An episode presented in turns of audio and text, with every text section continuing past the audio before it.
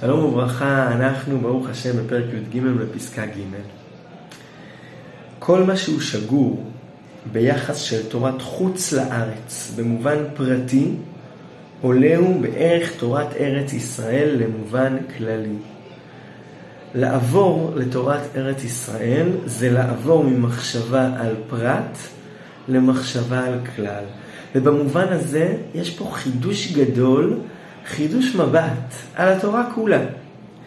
תורת חוץ לארץ עוסקת בתיקון הנפש הפרטית, בדאגתה לחומריותה ורוחניותה, לזיכוכה והתעלותה בחיי שעה וחיי עולם, אבל רק בתור נפש פרטית. תורת חוץ לארץ פותחת לנו פתחים לעבוד, לעבודת השם. איך אני היחיד יכול לחיות כאן בעולם הזה חיים אלוקיים, חיים קדושים, איך אני מתקרב לריבונו של עולם, איך אני חי חיים רוחניים, אבל הנושא הוא פרטי בלבד. היחס שלי ושל אלוקים. האמת היא שזה הפנייה של כל הדתות. כל הדתות, שידוע לי באשר הם, עוסקות בעיקר ביחס של האדם הפרטי עם הנשגב, העליון, האלוקי, הבורא. אבל תורת ישראל היא לא כזאת. בתורת ישראל יש רובד נוסף, עמוק מאין כמותו, שלא פונה אליך הפרט רק, איך אתה תחיה כאן חיים אלוקיים, אלא איך אנחנו כאומה חיים חיים אלוקיים. איך אפשר לבנות כאן בעולם הזה עולם קדוש. לא יחיד עובד השם, לא יחיד אלוקי, לא מישהו פרטי שהוא מסוגל ויכול ו... לא. איך אנחנו פה בונים אומה שלמה שחיה חיים נכונים, אמיתיים, שמחברת שמיים וארץ, שמסוגלת לחיות כאן חיים ארציים, עולמיים ואלוקיים. אפשר לחבר בין הדברים. זה לא שיש יחידים שמסוגלים. איך אנחנו בונים אומה כזאתי? חיים כאלו, לאום כזה. התורה במובן הזה היא לא רק דת, חוקים שמאפשרים ליחיד להתגדל. לא.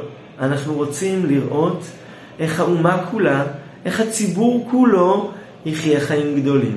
ובמובן הזה, זה חידוש עמוק שרק תורת ארץ ישראל מאפשרת לנו.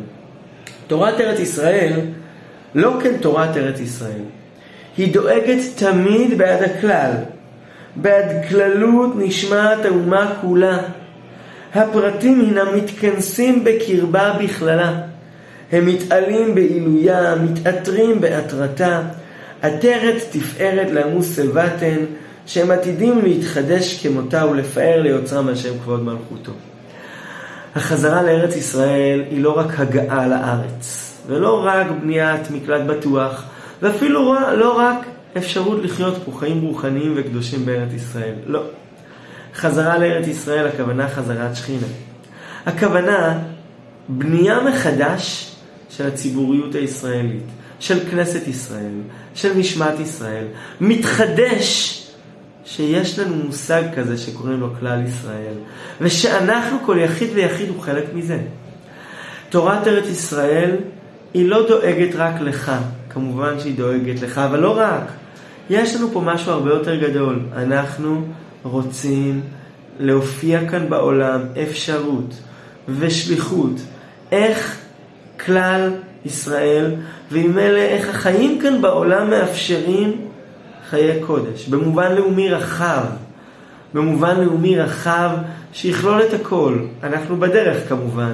עוד לא עוד לא גמרנו, אנחנו לגמרי בדרך, עוד דרך ארוכה, אבל זאתי הדרך. איך אנחנו בונים חברה מתוקנת, חברה שחיה חיים אלוקיים. ולא עם דאגה פרטית, לך בדווקא. כמובן שגם הפרט, גם הפרט יקבל אור הרבה יותר גדול כתוצאה מההערה הכוללת הזאת. אבל יש לנו שליחות לכלל ישראל. יש לנו שליחות לבנות פה חברה מתוקנת, חברה קדושה, חברה שחיה חיים עולמיים ומסוגלת בו זמנית גם לחיות חיים אלוקיים. זה, בזה תורת, ישראל, תורת ארץ ישראל עוסקת. לגדול מהרובד של הפרט ולעסוק בחיי הכלל.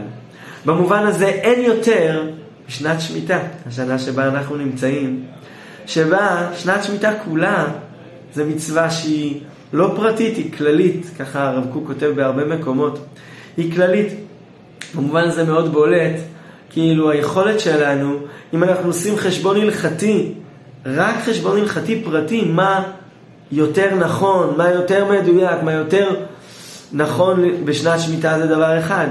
אבל יש פה עוד סוגיות נוספות, סוגיות של כלל ישראל, איך לבנות נכון את ארץ ישראל, אם זה, אה, אה, איך, האם ואיך נכון לדאוג לחקלאות, סוגיה שכל הפוסקים דנים בה, האם נכון לחשב גם את החקלאות בארץ ישראל כאידיאל וכולי. לכן, האם יותר מכירה, האם אה, אה, לנסות אוצר בית דין, וגם זה במובן של לבנות פה מערכת כללית ולא פרטית. סוגיות רחבות שמגדילות את התפיסה שלנו, לא רק דאגה לשמירת ההלכה שלי ולרוחניות שלי, אלא איך אנחנו בונים פה חברה אלוקית. גם אותו העילוי שמן הפרט להכלל על כל מרחב התורה, בייחוד על מרחב הרעיונות של אמונה ויראת שמיים באמת, גם זה עצמו הוא חידוש נשגב ונעלה של תורת ארץ ישראל. תורת ארץ ישראל לוקחת אותנו מהדאגה רק לך, והתובנה שיש פה משהו הרבה יותר גדול, הרבה יותר רחב, שאנחנו חלק מזה, ואנחנו נבנה משהו שהוא הרבה יותר גדול מזה, והמחשבה שלנו מחייבת אותנו לתפוס תפיסה רחבה יותר, איך בונים פה חברה, קהילה, עם אלוקי, קדוש וחי חיי קדושה. בעזרת השם, יום טוב.